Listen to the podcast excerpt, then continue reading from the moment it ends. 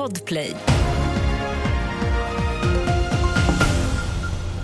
Vi börjar med uppgifter som kom för en stund sedan om att en kvinna har hittats död i en bostad i Vingåkers kommun i Sörmland. Polisen åkte till platsen och kunde då gripa en man som nu är misstänkt för mord. Polisen säger att mannen och kvinnan har någon typ av relation till varandra.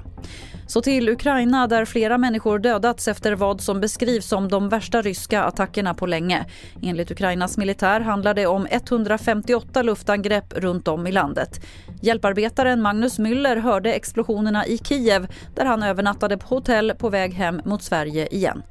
När explosionerna kom så vaknade man ju till ganska abrupt och låg i sängen och liksom så här, vi ska kanske bege oss eh, mot skyddsrummen. Men sen så tog, slutade det och så att vi stannade kvar på hotellet. Det här är den, jag skulle säga nästan snudden på den värsta när det kommer till bombardemang då. Det här är ju en av de värsta i alla fall på det senaste året.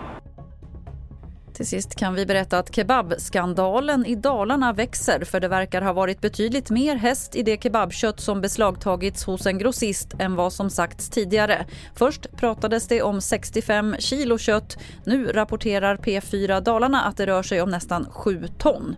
Fler nyheter finns på tv4.se. Jag heter Lotta Wall.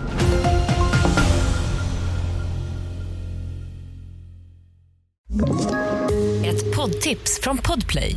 I fallen jag aldrig glömmer djupdyker Hasse Aro i arbetet bakom några av Sveriges mest uppseendeväckande brottsutredningar.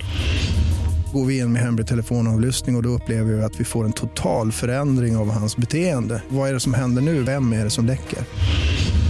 Och så säger han att jag är kriminell, jag har varit kriminell i hela mitt liv men att mörda ett barn, där går min gräns.